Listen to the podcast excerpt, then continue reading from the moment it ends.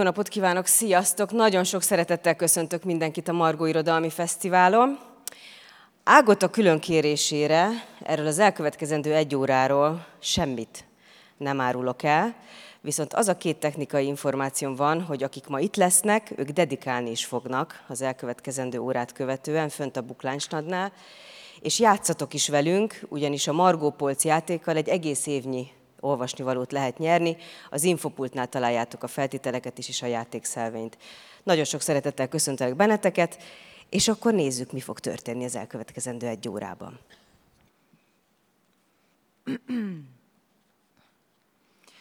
Esténként, ha magányosan forgolódom, vagy előtte, amikor vacsorát készítek magamnak egy személyre egyedül, esetleg az edzőteremben küzdök az életemért, és elszomorodom azon, hogy senki nem látja majd rajtam kívül ezt a remek művet, a testemet.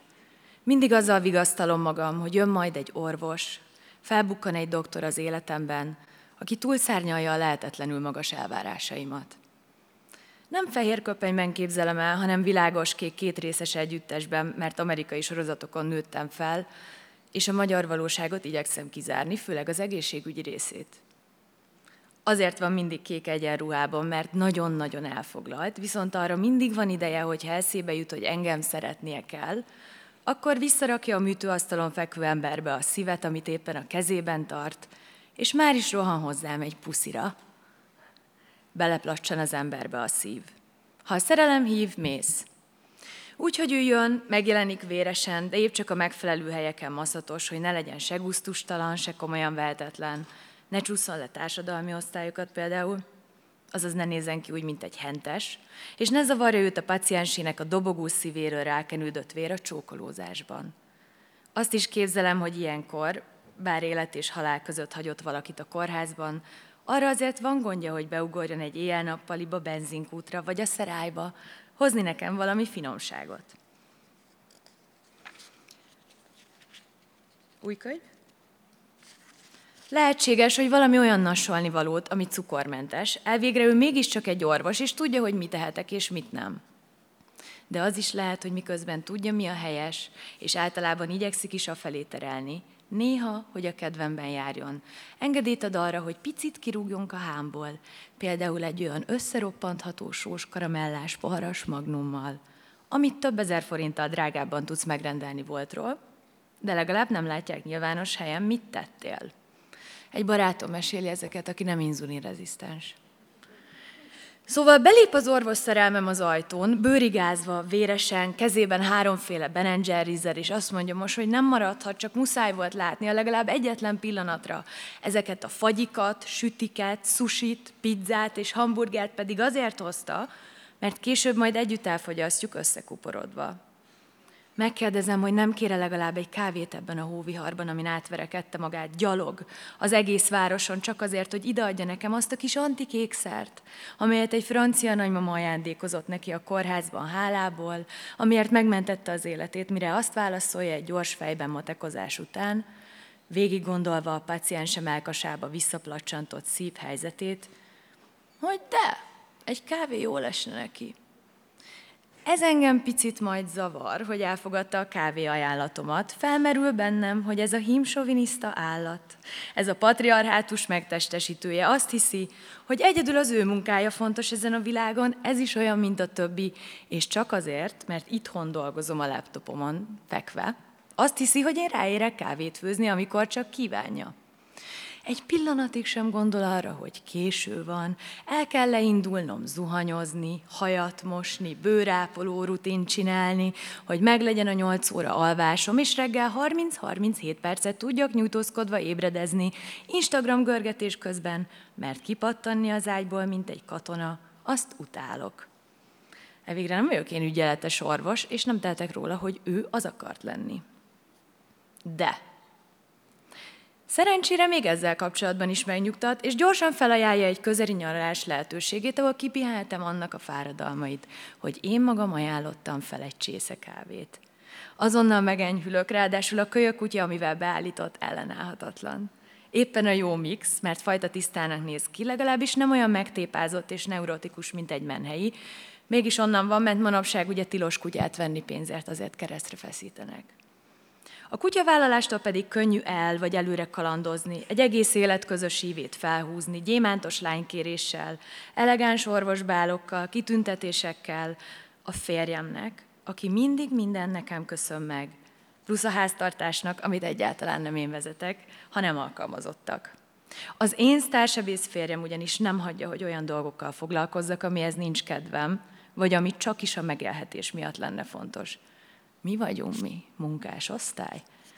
Az orvos férjem vigyáz rám, büszke rám, de azért a kellő és megfelelő mértékben fel tudok nézni rá. Tisztelem őt a tudása miatt, ami nem azt jelenti, hogy amikor a szemem alatti sötét karikákat megcirógatva azt mondja, hogy drágám, folyadékra lenne szükséged, akkor hiszek neki. Mert a ló másik oldalára sem érdemes eltesni, egy bármiben befolyásolható, elnyomható feleségnek lenni. De ha érdekel például az, hogyan lehet átcsoportosítani a karzsíromat a nevetőráncom irányába, akkor szívesen bedőlök azoknak a tudományos tényeknek, amiket ő az orvosi egyetemen kinkeserves munkával éveken át metamfetamin függőség árán kutatott. Megérdemlem, mert én vagyok a felesége. Amikor az orvos férjem hallja, hogy egy öreg, szocializmusból ránk maradt magyar házi orvos hogyan beszél velem, megtorolja. Gondolom fizikailag is, mert a társebész férjemnek nagyon jó az állóképessége. Rendszeresen sportol, hogy bírja a több órás műtéteket, és mellette nem alkoholista, mint állítólag mindenki más sebész férje ebben az országban. Úgy kezdődne az egész, hogy lerobbannék karácsony előtt egy nappal, mert ez rám jellemző. Utazások, nyaralások, szünetek, hétvégék, ünnepek. Amikor nehéz kivizsgáltatni magad, nem egyértelmű a gyógyszertárak nyitva tartása, és a körülötted vagy veled élőknek is megkeseríted a veled töltött időt az összezártságotoknál fogva. Tehát, Szenteste előtt egy nappal megbetegednék, és azért pont akkor, mert 23-án még nem vagy annyira beteg, hogy felsóhajtass, hogy hú, még jó, hogy elkaptuk a rendelést, igyekezzünk, de már attól tartasz, hogy az lesz, hogy na basszus, el kellett volna menni az ügyeletre, akkor most nem eresztenének le a sírgödörbe. Ellenkeznék, hogy megjelenjünk a rendelésen, hiszen nem akarok problémát és extra terhet okozni egy házi orvosnak azzal, hogy ellát engem. A sebész férjem mégis odarángatna, mert hinne az orvostudományban, csodálatos módon. A rendelési idő kezdetétől számított második órában, amikor végre megérkezne a házi orvos is, soron kívül berángatna, mert azért az orvosok arroganciája plusz a kollegiális nepotizmus dúlna benne. A rendelőben, ahol éppen senkit nem vizsgálnának, a házi orvos úr és az asszisztense Ildikó nagyon megrökönyödnének ezen az agresszív invázión, már csak azért is, mert éppen a tökéletes halászlé receptjéről vitatkoznának. Haltej vagy nem halt el, meg ilyenek. Ettől kezdve így megy a jelenet. Empatizálok a sokkal, amit a sebész férjemmel a jelenlétünk okoz, félszegen, időt hagyva nekik a feldolgozásra, a vizsgáló egy szélére ültetem magam. A férjem felháborodva kéri számon a házi orvost, hogy már eleve a telefonban hogy beszélt velem, amikor indulás előtt egy biztonsági kört futva arról érdeklődtem, járuljak-e oda a panaszaimmal. A válasz az volt, hogy nem, mert teljesen felesleges, és egyébként is már rég késő, vagy sokkal korábban kellett volna. A házi orvos duzzogva a lázamról kezd érdeklődni. Én akkor elkövetném azt a hibát, hogy bevallom, nem lázam van, hanem csak hőemelkedésem. Ez több okból sem hasznos. Egyrészt bagatelizálom a saját állapotom, ha nem vagyok légyó, mint halálig fokos lázas, minek vagyok ott? Plusz én csak ne legyek annyira szofisztikált orvostudományosan, hogy ilyen bajós fokozatokban gondolkozzak, mint hőemelkedés. Tök mindegy, akkor lázas vagyok, mondom. Ezért jöttem meg a torokfájás miatt, és ekkor személyesen is leteremt a házi orvos hogy most aztán jól oda mentem, semmi értelme nem volt, hiszen mindenkinek ugyanannyira fáj a torka, ugyanannyira lázas, és ugyanannyira nem tud ezzel mit kezdeni, hiszen mindenki ugyanúgy az influenza variánsok keresztüzében él 2023-ban. Ildikó az asszisztens fel sem pillant, viszont azt se tudom, mit képel, ha csak nem Facebook csetel valakivel rólam feljegyezni, ugyanis még nem nagyon van mit. Már azon túl, hogy minek mentem oda.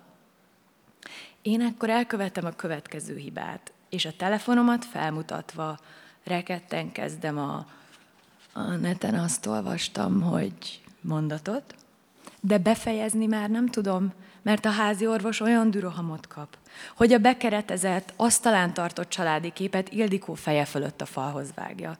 Ildikó ettől sem rezzen meg, folytatja a Facebook csetelést. A zsebész férjem ránéz, tekintetéből sugárzik, hogy ő is elítél. Számon kérően néz, tudhatnám, ezt viszont pontosan tudhatnám, hogy a legfontosabb betartandó szabályok egyike, hogy soha, semmilyen körülmények között nem mondom azt egy orvos jelenlétében, hogy az interneten tájékozódtam a tüneteimről. Én azt gondolnám magamban, hogy akkor rendben, akkor nem sorom fel az internetre, amit találtam, sőt, Billentsük helyre ezt a demoralizált beteg-orvos kapcsolatot, töröljük el az osztrák-magyar monarchia poroszos rendszeréből átvett patriarchális jellegét, és könyörgöm, legalább játsszuk el, hogy nem csak én, hanem a házi főméltóságos úr is meg van győződve róla, hogy ebben a nyilvánvalóan aláfölé rendeltségi viszonyban kifejezetten jót tenne, ha az orvos partnerként tekintene a betegére. Valakire, akinek köze van a saját testéhez, jólétéhez, ennél fogva a gyógyuláshoz is hozzájárulhat. Értem a frusztrációt, értem a szocializmus méltatlan időszakának örökségét, és értem a régmúlt sámánizmusában gyökerű misztérium megőrzéséhez való kétségbeesett ragaszkodást. De, és ez nem tetszik majd a házi orvosomnak, az a helyzet, hogy az előbb említett aláfölé rendelt viszonyban én vagyok a fölé, tetszik vagy sem. Én vagyok a milleniál vércsoport, az MSN rendszer. Én vagyok az IVIV mirigyek, a chat.hu szövetek, a Hotmail, Freemail, Citromail, Gmailizmok, a YouTube, a Facebook és az Instagram csontozat. Az internet a gerincem, a keringésem és a sejtjeimbe épült tápanyag. Ha akarnám, ebben a pillanatban elvégezhetném magamon egy szívműtétet a YouTube segítségével. Igen, igen, igen. Még csak igazi orvosi eszközök sem kellenének hozzá. Elég lenne a körömreszelőm, meg a quick dry fedőlak ugyanabból a fiókból, mert biztosan találnék egy surgery hack verziót.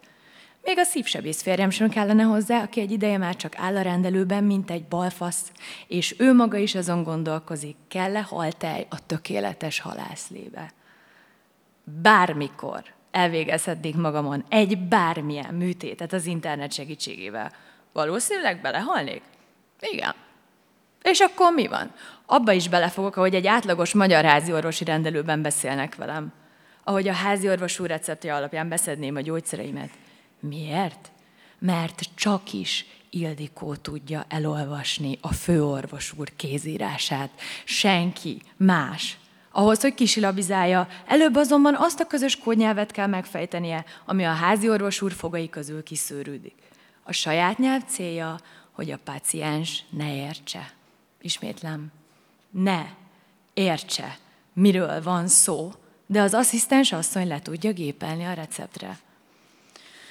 Aztán a gépelt receptet vagy megkapod, vagy nem kapod meg, vagy tök mindegy, nem érted a latint. A gyógyszerszedés már úgyis egy olyan tollal összekrikszkrakszolt papírfecnire kerül, amivel egy pekingi palota kutyaürülékét sem tudnád felmarkolni a kakazacskó híján.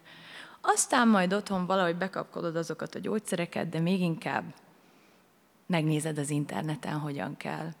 Mert ilyenkor bezzeg használhatod.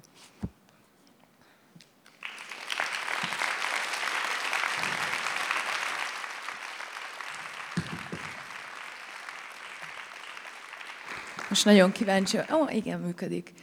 Um, nagyon nagy szeretettel köszöntök mindenkit a nyár utolsó meleg napján, amikor én úgy döntöttem, hogy bőrnadrágban leszek um, a reflektor fény alatt.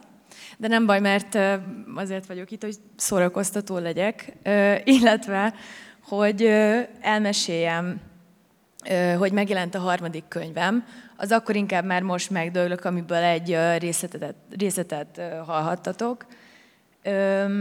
És elmondjam, hogy miért írtam ezt a könyvet. Először is azért írtam ezt a könyvet, mert nagy kedvem volt. Másodszor pedig, mert két éve vagy három megkeresett engem a Molnár Gera, annak az ötletével, hogy alapít egy független magyar könyvkiadót, és azok az elvek, amelyeket felsorolt, nagyon szimpatikusak voltak számomra, és nagyon szerettem volna kapcsolódni ez a projekthez. Nem csak azzal, hogy írok a lányvállalatnak egy új könyvet, hanem azt is vállaltam, hogy olyan projekteket kutatok fel, húzok elő, vadászok le, amelyek kileszkednek ennek a, ennek a kiadónak az arculatába, tehát összességében nagyon igényesek, nyitottságra sarkalnak, szórakoztatóak, elgondolkodtatóak és fontos történetek. Úgyhogy előhúztam, levadáztam, nem emlékszem, mi volt a másik kettő, két olyan embert, akiket ismertem korábbról, mondhatni, hogy a, a legintimebb helyzetben is voltam velük, amilyen intim helyzetben csak kerülhet két emberi lény, és ez nem a szex, hanem a Magyar Kereskedelmi Televíziózás írószobája. És, és mivel, mivel már voltunk ebben a kényelmetlen helyzetben mindhárman, ezért kb. tudtam, hogy hm, értelmesek, jól írnak, de a folyamat során, amikor fejlesztettük a könyveiket, végképp megbizonyosodtam róla, hogy nem csak nagyon okosak és viccesek, de nagyon érzékeny, őszinte és jó írók is. És szerintem most már itt a kabátok között a backstage-ben egy tócsa izzadt a tenyerükből a lábok közé, amit remélem majd nem lehet látni, nem bár nagy a fény. Szóval öm, behívom őket, és, és arra kellett titeket, hogy legyetek nagyon kedvesek velük, meg velem, aki nem tudok jól számolni perceket felolvasásokhoz. Minden esetre fogadjátok szeretettel Marton Krisztiánt és Horváth András Dezsőt.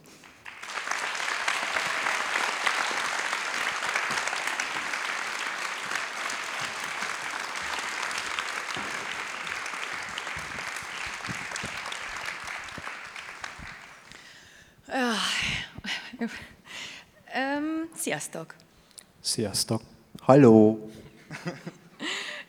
Először is megpróbálom a jegyzeteimet kipattintani a telefonból mindjárt, de addig is azonnal oda dobom nektek a labdát, mert, mert az emberek, feltételezem is remélem, hogy legelőször is arra kíváncsiak, hogy, hogy öm, arra nem biztos, hogy kicsodák vagytok, de hogy hogyan kerültetek a lányvállalat kiadó közelébe. Tehát akkor szerintem kezdjünk ezzel.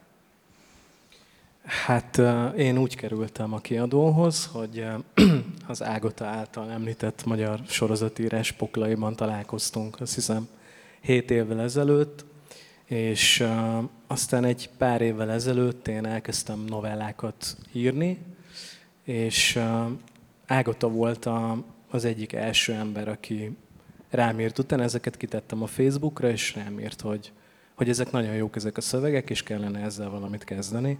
És akkor találkoztunk 2022 nyarán, ami egy elég turbulens időszaka volt a magyar és a világtörténelemnek, és Ágota azt mondta, hogy egy picit még várjunk ezzel a dologgal, mert el fog jönni az az idő és helyzet, amikor ez tökéletes lesz, és végül is decemberben összekötött engem a Gerával, és akkor volt egy hármas Skype beszélgetés, ahol a Gera mondta, hogy jók ezek a novellák, kiadnám, mondtam, hogy nagyon jó, és mondtam, hogy amúgy egyébként nekem van egy regény ötletem, egy kicsit karcosabb sztori, hát ha érdekel titeket, és elmondtam, és az ott azon a beszélgetésen el is dőlt, hogy lesz egy regény. Krisztián. Um, Jó, moderálok, nem? Hát nekem is elég hasonló volt az út. Az Ágota tudta, hogy dolgozom egy projekten, már elég régóta, ami szintén így az ő biztatására indult, és aztán tavaly nyáron kezdtem el sorozatból átformálni egy regényé, és amikor ezt megtudtad, akkor elég gyorsan jelezted is, hogy pont így be tudnád vinni valahova. Nyitva az ajtó. Igen. ja. Egy kicsit egy mondatban összefoglalnád, aztán te is, Andris, a, a közönség számára, hogy mi, mi ez a regény, amit írtál. Uh-huh. A regényem címe Bőgőmasina, és igazából arról szól, hogy milyen mélyről mozgatja az apátlanság egy félvérmeleg uh, fiú életét, kapcsolatait és döntéseit. Az én könyvemnek az a címe, hogy legjobban a nőktől féltem, és egy férfinak a története, akinek az élete 24 órán belül felfordul, mert elveszti a szüzességét, és utána egy egyszerű utcai kötekedésben majdnem agyonverik, és ez a két élmény, a szexualitás és az erőszak összefonódik benne, és nagyon sok évig küzd azzal, hogy ezt helyre rakja magába. Nekem ö, nagy tapasztalatom van abban, hogy a saját életemnek a valós eseményeiből elrugaszkodva írjak történeteket, vagy hát valamennyi tapasztalatom mostanra van. Ebben az új könyvben, amit a lányvállalatnak írtam, ö, egy kicsit más a helyzet, mert valós jelenségekről, de inkább, inkább tudományos vagy orvostudományos jelenségekből rugaszkodom el. Ti viszont valójában biográfia, biográfia alapú regényt írtatok most, és ezzel kapcsolatban mindig felmerül azokban, akik olvassák ezeket a könyveket, hogy hát először is az, hogy mennyire nehéz ilyesmit írni, meg hogy itt egy bőgőmasina, csak ezt akartam mondani, és nem tudom magamat tartani. Branding. Hogy, hogy mennyire nehéz ezt írni, és az ember mennyire tudja kontrollálni, irányítani. Természetesen zárójában én tudom, hogy ez kell, meg mindkettő folyamatban ott voltam, és láttam, hogy néha mm, elengedhetetlen, de hogy, hogy, hogy érzelmileg megviseli az embert. Um, abszolút, főleg, hogyha olyan mélyen mész Kicsit bele, le meg vagy olyan fogyva. sokáig kell ezzel foglalkozni, akkor igen, kicsit olyan, hogy így az elején azt érzed, hogy mm, végül is tök közel tudsz menni hozzá, és aztán, ahogy így eltöltesz ott egy pár hetet, hónapot, így elkezd égetni, pedig um, azt hitted, hogy már nem tudom, mennyire mögötted van. De uh, én úgy szeretek erre gondolni, mint hogyha egy ilyen utolsó kérődzés lett volna egy csomó dolog, amiről írok. Mm, ja, de nehéz.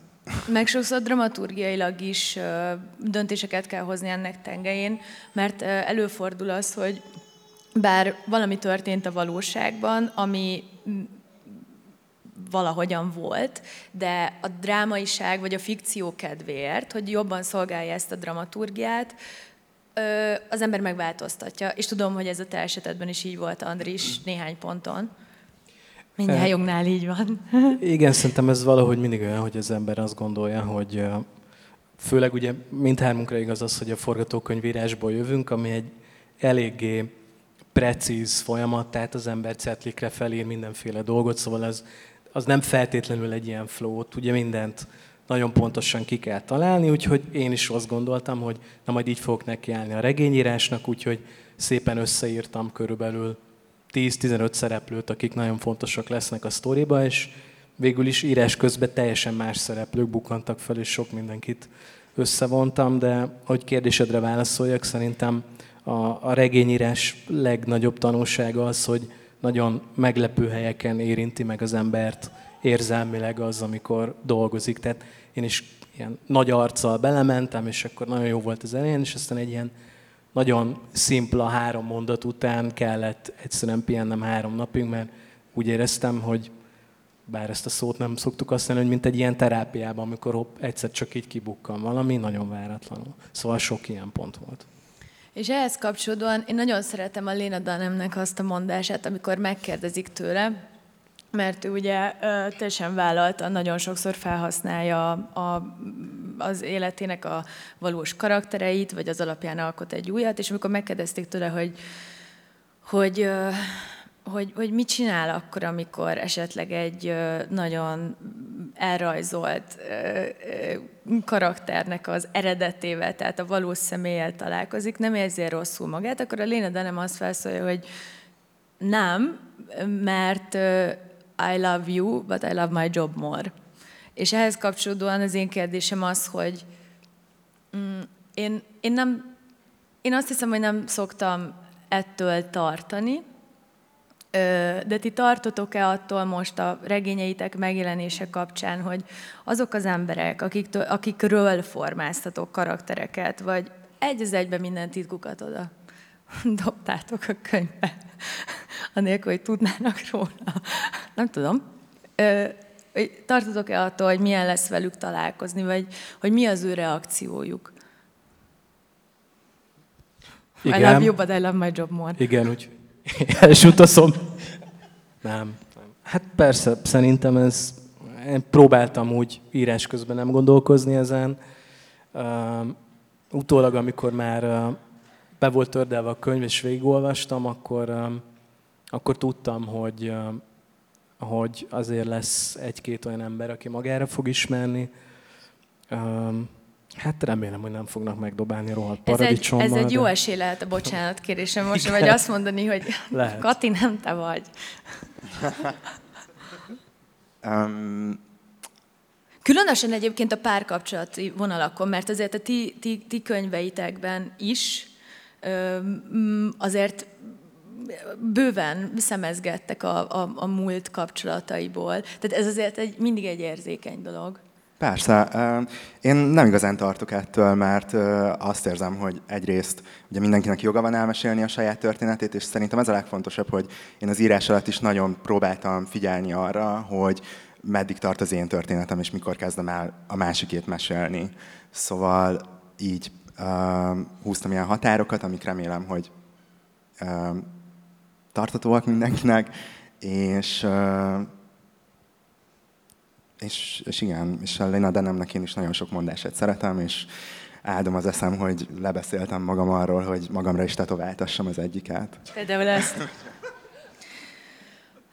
Az én könyvemben, mert muszáj magamat is promotálnom ebben a korcs helyzetben, elhangzik az a mondat, hogy a szerelem mércéje nem a szex, hanem a fingás az. És, de én nagyjából ennyit foglalkozom a szexualitással ezúttal vagy hát mit tudom én, ilyen pettingeket vázolok fel, nem, nem a sajátomat, de Gézáét, meg Attiláét, meg nem tudom, hogy ilyen elképzelteket. Viszont különösen az Andris regényékben elég explicit a szexualitás. Akkor beszéljünk a szexről.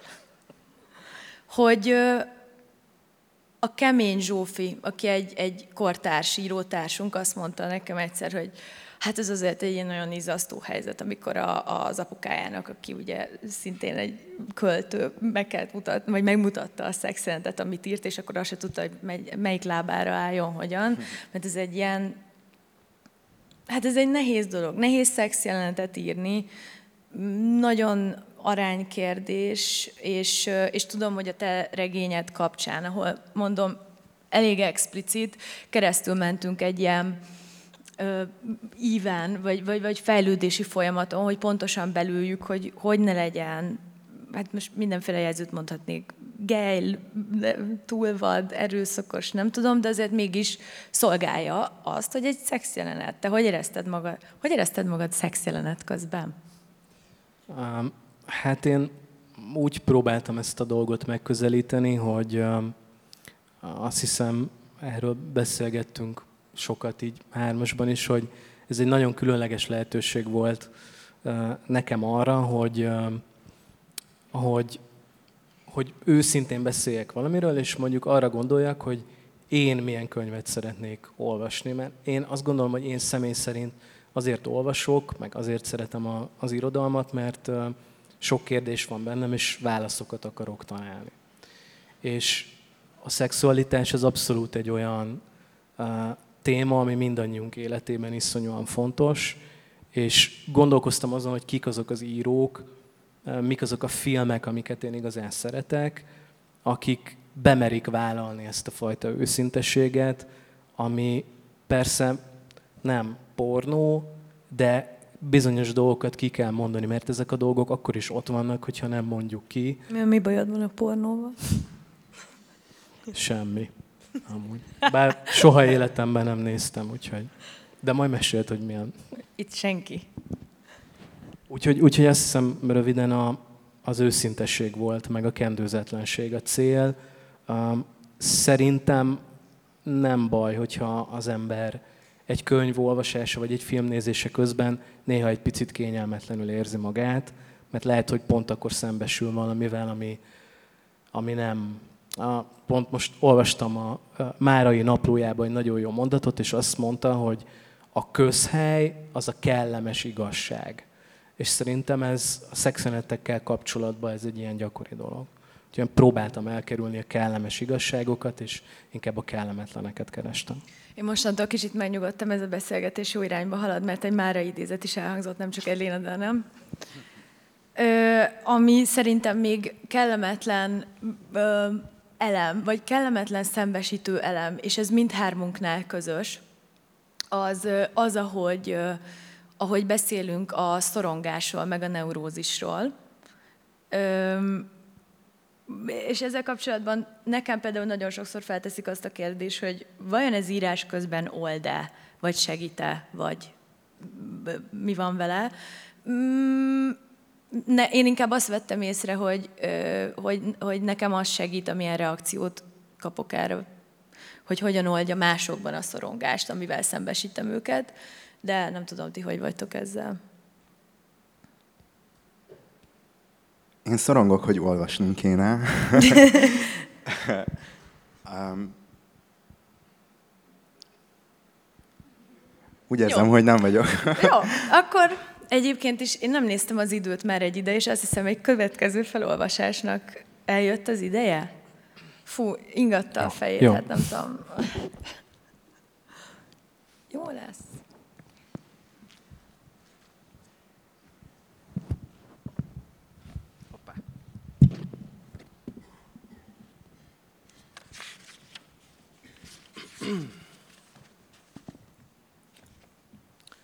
Végül megfogadtam a pszichológusom tanácsát, és felhívtam egy kurvát. Szeptember közepe volt, de a nyári kánikula még mindig tartott. A lakásom egyetlen ablaka egy hatalmas tölgyfa koronájára nézett. A délutáni nap áttűzött a fa ágai között, a fehér falon álmosan táncolt a levelek árnyéka.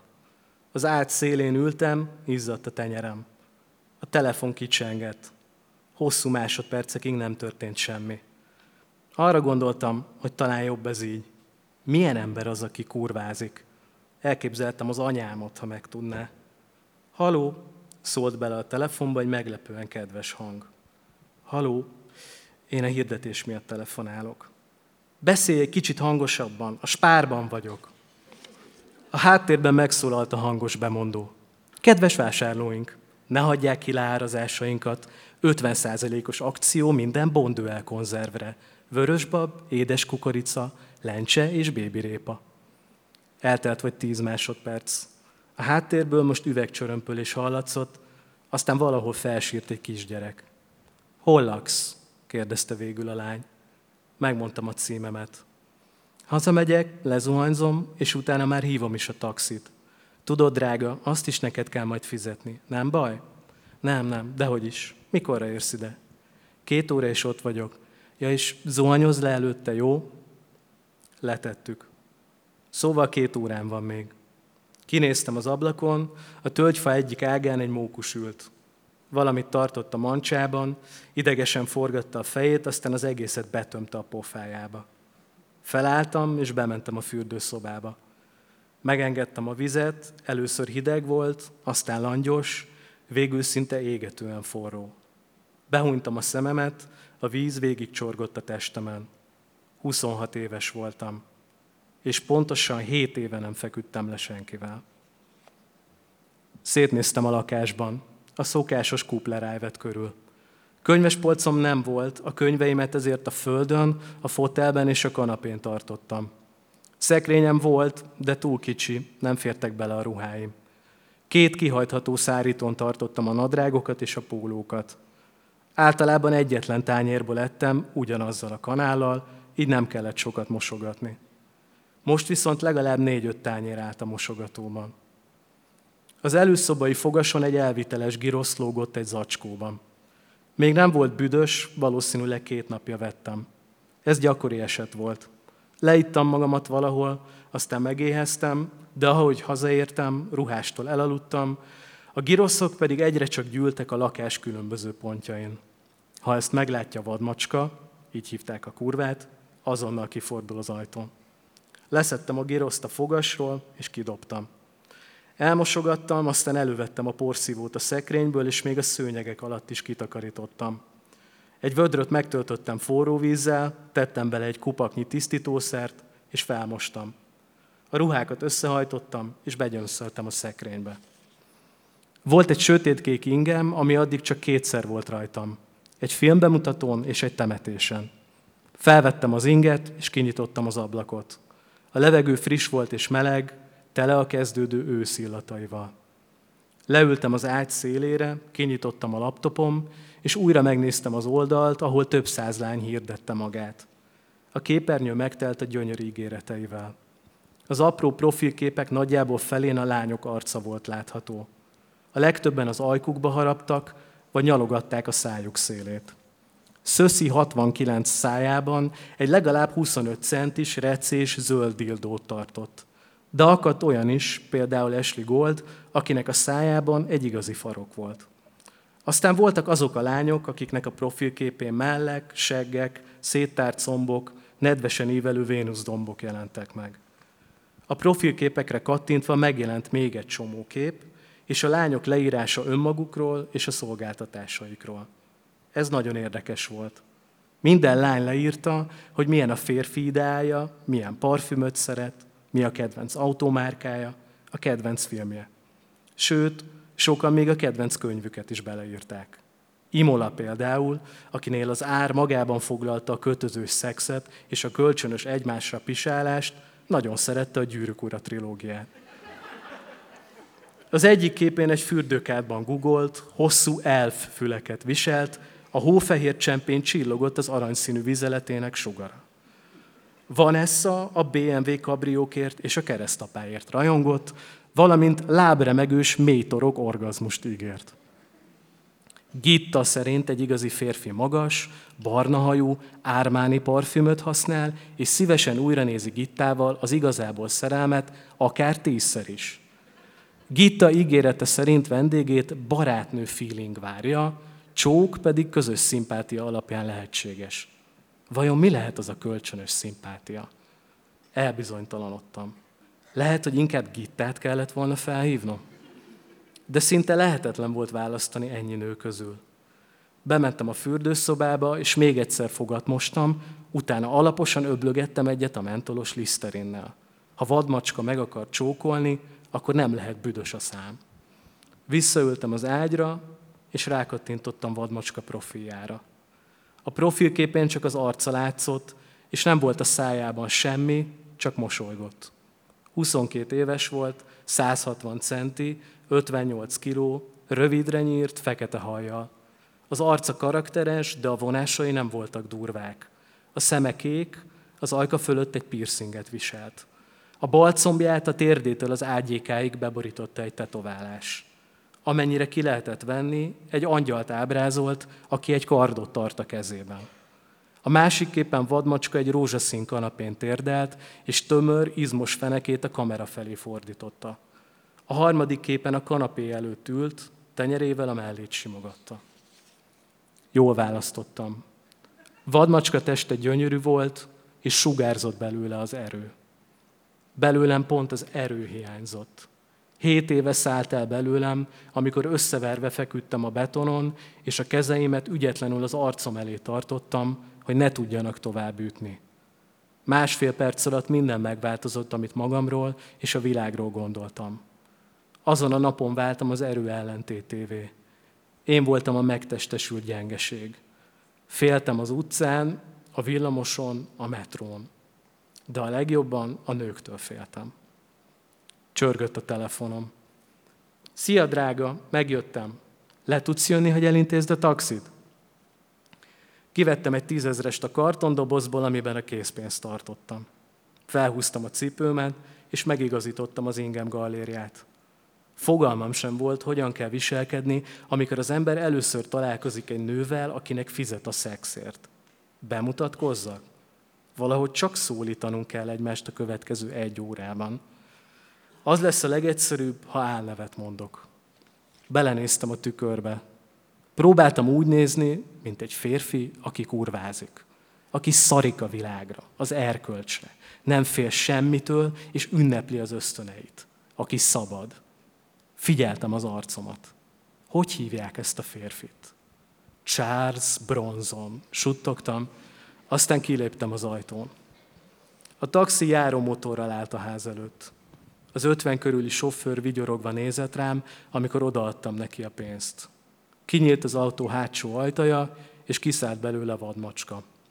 Fekete miniszoknya volt rajta, egy tornacipő és egy egyszerű fehér top. Úgy ölelt meg, mintha évek óta ismernénk egymást. Aztán adott két puszit. Szia, drága! Ugye nem késtem sokat? Megráztam a fejemet, aztán bemutatkoztam az igazi nevemen.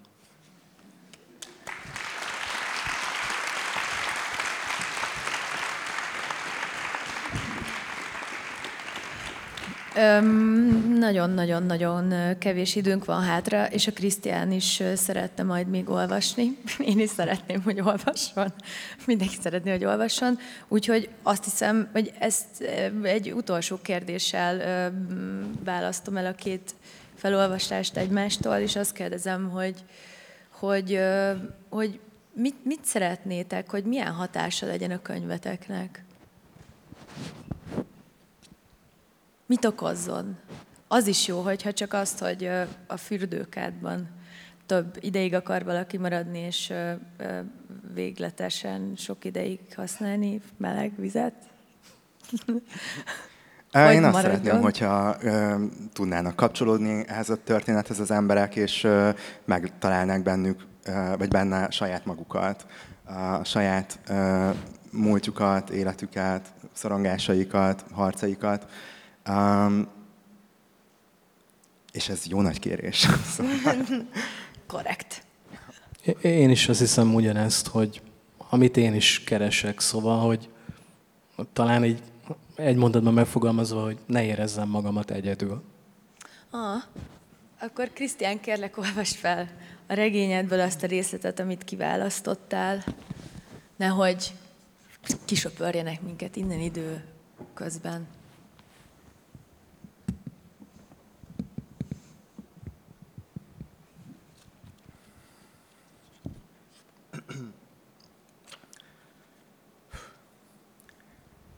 De gyönyörű haja van, megsimogathatjuk? Felnéztem a nagymamámra az ülésről. Két másik nagymama intézte a kérdést felé a villamoson. Az enyém habozás nélkül kacakba megengedte nekik, hogy megtapogassák a hajamat, először óvatosan, majd egyre mohóbban, mintha egy egzotikus, kiszámíthatatlan állat felé közelítenének az állatkertben. Milyen puha, mondta az egyik, sokkal durvábbra számítottam. Kenik valamivel? Nem, nem, büszkelkedett a nagymamám, magától ilyen. Na hát, ámuldaztak, nagyon szép gyerek. Egész gyerekkoromban azt hallgattam a felnőttektől, hogy milyen szép kisfiú vagyok, milyen különleges. Hinni akartam nekik, de inkább azt láttam, hogy csak simán kilógok. A bölcsiben meg az oviban is én voltam az egyetlen félvér gyerek, és a többiek nem azt látták rajtam, hogy milyen szép vagy különleges vagyok, hanem hogy milyen fura. Fura a hajam, fura a sötét bőröm, de még furább, hogy a tenyerem és a talpam ugyanolyan fehér, mint az övék. Oda nem jutott a festékből? Öt évesen láttam először valakit, aki úgy nézett ki, mint én. Anyuval minden kedden moziztunk, de jellemző a korra, hogy egy fekete színész sem szerepel családi filmekben. Azon az estén sem egy, egy, azon az estén sem egy fekete színész láttam a vásznon, hanem az apámat.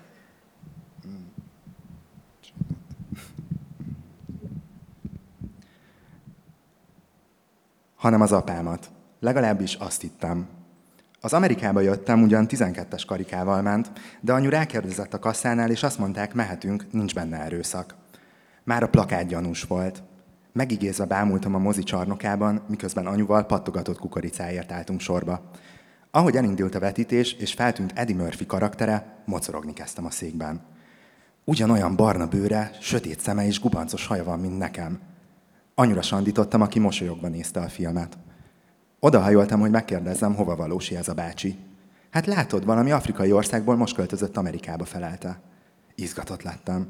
Úgy néz ki, mint én, és Amerikában él. Szélesre húzta a száma hazatalálás öröme. Eddie Murphy az apukám. Végre megvan, végre velünk lesz ő is. De hogy fogok szólni neki? Akkoriban még nem volt szokás udvariasságból végignézni a stáblistát. Amint vége lett a filmnek, mindenki felpattant, hogy én is. A kabátomat anyu már a terem előtt adta rám, ahol megosztottam vele, mire jöttem rá. Anyu állította, hogy Eddie Murphy nem az apukám, és hiába sorakoztattam az érveket az elméletem mellett. De hát Afrikából Amerikába költözött, és pont úgy néz ki, mint én. Anyut nem tudtam meggyőzni. Legugolt, hogy behúzza a kabátom, és felvetette, hogy menjünk el a Mekibe. Az is amerikai. Hm? Két sajtburgert kaptam, és egy új mutogatást a szemközti asztalnál ülő nagyobb gyerekektől. Egyik sem volt újdonság. Anyu átült a mellette lévő székre, hogy kitakarja őket. Ne foglalkozz velük, csak irigyek, hogy milyen szép vagy. Ha valakinek, neki elhihettem volna. Anyu sosem szégyenített meg azért, mert más vagyok, illetve egyetlen egyszer, de a mai napig nem tisztázódott, hogy mire gondolt pontosan. Ezen a sötét napon nagyon előnytelen frizurát vágott neki a fodrász. Klasszikus túlkapás, amikor csak a végéből vág egy kicsit, de a végén megrökönyödve nézi magát az ember a tükörben, hogy ez akkor mégis hogyan történt, és még azt is kell mondania, hogy tetszik. Ilyenkor szemkontaktus sem lehet teremteni a fodrásszal, nehogy kiszagolja, hogy a vendégnek nem tetszik az a frizura, amit nem kért. Sőt, annyira utálja, hogy ahogy becsukja maga mögött a szalon ajtaját, hogy viszlát jövő hónapban, dühösen tuporzékol, hogy miért hagyta magát, most ezt kell hordani a fején hetekig. Anyu sem volt kivétel, egyből előkapta a sminktükrét, és minden szögből szemügyre vette, hogy tényleg olyan rémesen, ami annak a fodrászékben tűnt. Rémesebb, mert kint több a fény. Szitkozódott, hogy így elbaszták a haját, szörnyű lett, és mivel általában mindenben egyetértettünk, és viccesnek találtam, hogy anyu káromkodik, én is felültem a vonatra. Nevettem, hogy tényleg szörnyű lett, és felsoroltam, hogy kik jutnak róla eszembe. Szörnyella de frász, csak rövidebb, hambipőke mostohája, nem is Ursula. Anyut legyőzte a hiúsága, és rám kiabált, hogy azonnal fejezem be, mert ő is tudna valamivel csúfolni engem. Megdermesztett a döbbenet, hogy az anyám tudna valamivel csúfolni, ezek szerint folyton ott van a nyelve hegyén, csak visszafogja magát. Könnyek szöktek a szemembe, elmosták anyut, aki már gugolt is le hozzám, de addigra késő volt. Utat tört magának az okogás, hogy anyu elárult, még őt is zavarja, hogy más vagyok, és fájdalmasan felsírtam, hogy én arról nem teltek, hogy barna a bőröm. Anyu magához húzott és bocsánatot kért, nem úgy gondolta. Akkor hogy? Nem gondol mindent komolyan az ember, mondta és puszit nyomott az arcomra. Statisztikailag nézve elhanyagolható ez az egyetlen eset, Mégis mély nyomot hagyott bennem, mert először csalódtam anyuban. Az a pár másodperc, ami anyu kirohanása és bocsánatkérése között telt el, a végtelenségig megnyúlt, és olyan magányosnak, olyan egyedül éreztem magam, mint azelőtt soha. Megrengett a bizalmam anyuban, aki mindaddig úgy tett, mintha ő nem ugyanazt látná, mint mindenki más, amikor rám néz. Hogy ufó vagyok. Mert annak éreztem magam. Egymagamban egy aprócska szigetnek egy fehér tengeren. Nem tudok arról mesélni, hogy milyen volt feketeként felnőni, mert nem tudtam milyen feketének lenni, csak azt, hogy milyen különbözni mindenkitől, akit ismertem. Nem lehet körül egy másik kultúra, hogy menedéket nyújtson a csúfolódások és bántalmazások elől, és nem mutatott irányt senki, hogy hogyan kell ezt viselni. Nem tudtam megfogni az ugyanolyan bőrszínű apám kezét, hogy osztozzon velem a kívülállóság fájdalmában, vagy cinkos társam legyen a kirekesztettség igazságtalansága elleni lázadásban. És egyre jobban vágytam arra, hogy nekem is legyen egy apukám, mert az igaziról tudtam, hogy még sokáig nem lesz velem. Előbb fel kell nőnöm, és ha már anyagilag független leszek, akkor megkereshetem, nehogy azt így, hogy csak a gyerektartásra hajtok. Ez volt otthon a mondás, és én ezt szó nélkül magamévá tettem. Ha megkérdezte tőlem bárki, hogy nem akarom-e majd egyszer megkeresni az apámat, bólogattam, dehogy nem, és tudtára adtam a feltételeket, amiknek azelőtt meg kell felelnem. Felnőni, anyagilag függetlennek lenni. Ezt aztán mindenki helyesléssel fogadta, mintha azt vezette volna le nekik, valakik, nekik valaki roppant felelősség teljesen, hogy nem fog hitelre még autót is venni, a lakáshitel épp elég teher, és különben is tökéletes még az a járisz. De közben valahogy csak bekúszott a gondolat, hogy ha lenne apám, akkor nem kéne tartanom attól, hogy azt hiszi, csak a gyerektartás miatt kell nekem, mert nem kéne gyerektartást fizetnie, hiszen itt lenne velünk, és sokkal könnyebb lenne minden. Anyunak nem kéne hétvégén is dolgoznia, mamának se kéne még mindig munkát keresnie, hiszen egy apa mindenről gondoskodna helyettük, és nekem is mindig jót akarna. Persze egy csomószor ezt nem ismerném fel, és dacolnék vele, mint Pocahontas vagy Jászmin az apjukkal. De én biztos, hogy ezért nem szoknék meg tőle, mert tudom, hogy milyen, hogy nincs, és egész eddig azt akartam, hogy legyen. Elfogadtam, hogy az igazi apukámra még várni kell. Na de, fordult meg a fejembe, addig miért ne kereshetnék magamnak egy helyettesítő apukát? Ehhez anyunak először is szerelembe kell esnie valakivel. Annyit már akkor is tudtam a hollywoodi történetekből, hogy a szerelem szép emberek véletlenszerű találkozása váratlan helyszíneken, vicces helyzetekben, hogy aztán kiderüljön, hogy találkozásuk nem is olyan véletlenszerű, sokkal inkább a sorsakarata, és nekik már csak annyi dolguk van, hogy ezt belássák. A hozzávalók közül megvolt az egyik, a gyönyörű anyám, aki ráadásul vicces és kalandos. Már csak egy másik szép felnőtt kell, és már is lesz apukám. És mivel a találkozásuk véletlenszerű lesz, egy váratlan helyszínen és vicces helyzetben, onnantól kezdve nagyon résem voltam. Nyitott szemmel jártam, hogy melyik idegenbe szerethet bele anyu bármelyik pillanatban az utcán, a gyógyszertárban, a tejdiszkontban, a suliban, a mekiben, a strandon, de még a börtönben is, ahova gyógyszereket vitt minden hónapban a patikából, ahol dolgozott. És egyszer én is elkísértem, mert elmaradt az énekkar. Nem értettem, hogy miért nem történik semmi, hol késik már az a nagy találkozás, ami majd mindent megváltoztat, mert az már akkor is feltűnt, hogy anyut megnézik a férfiak. Utána fordulnak, olykor füttyentenek, vagy lejjebb tolják a napszemüvegüket az ornyergükön, hogy jobban lássák a dekoltását. És mégis, ennyi jelentkező közül semmi. Egy este belengte a szobánkat a nyári szellő és az Eternal Flame a Bengals-től, miközben épp a szokásos inkvizíciós lábúj körönvágás zajlott. Általában együttműködő voltam, de valószínűleg kikönyörögtem egy elnézőbb, hanyagabb, hanyagabb körönvágás legutóbb, ezért mostanra úgy benőtt a nagy lábújamon, hogy anyunak le kellett fognia, hogy ne rántsam el a lábam, ha közelít felé a kisollóval. Kezdett elfáradni a küzdelemben, húzott egyet a lábamon, és erélyesebben kérte az együttműködésemet. Én se csinálom szívesen, de valakinek muszáj, mondta. Hú, egy alkalmas pillanat, hogy felhozzam az apatémát. Nem akarsz barátot? kérdeztem. Fel se nézett, még csak az kéne. Mire én felvilágosítottam, hogy akkor nem neki kéne kiválnia a benőtt nagylábúj körmömet. Meg hát tudod, csak nekem nincs apukám. Anyu kezében megállt a kisolló, már úgy tűnt, hogy mondani akar valamit. Talán azt, hogy igazad van. Ez így nem mehet tovább, azonnal intézkedem. De végül csak megsimogatta a lábfejemet, nyomott rá egy puszit, majd azt mondta, nekem sincs apukám. Roppant a körmöm a kisolló alatt, anyunak végre sikerült kiműtenie a benövést. Hogy, hogy nincs apja, gondoltam, miről beszél? Múlt, múlt nyáron is meglátogattuk a papát, és rengeteg banánt kaptam tőle.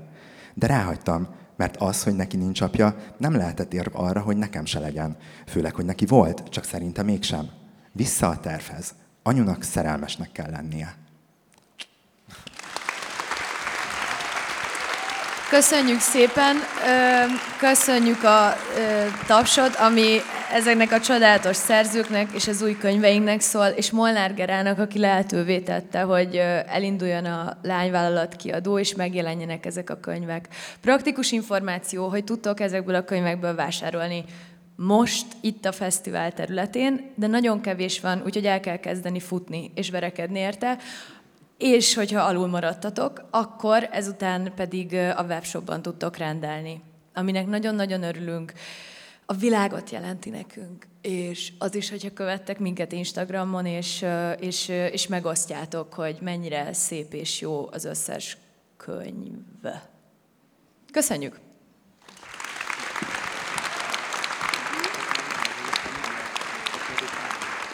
Ja, bocsánat, dedikálunk. Na, ezt akartam még Na, úsztuk meg.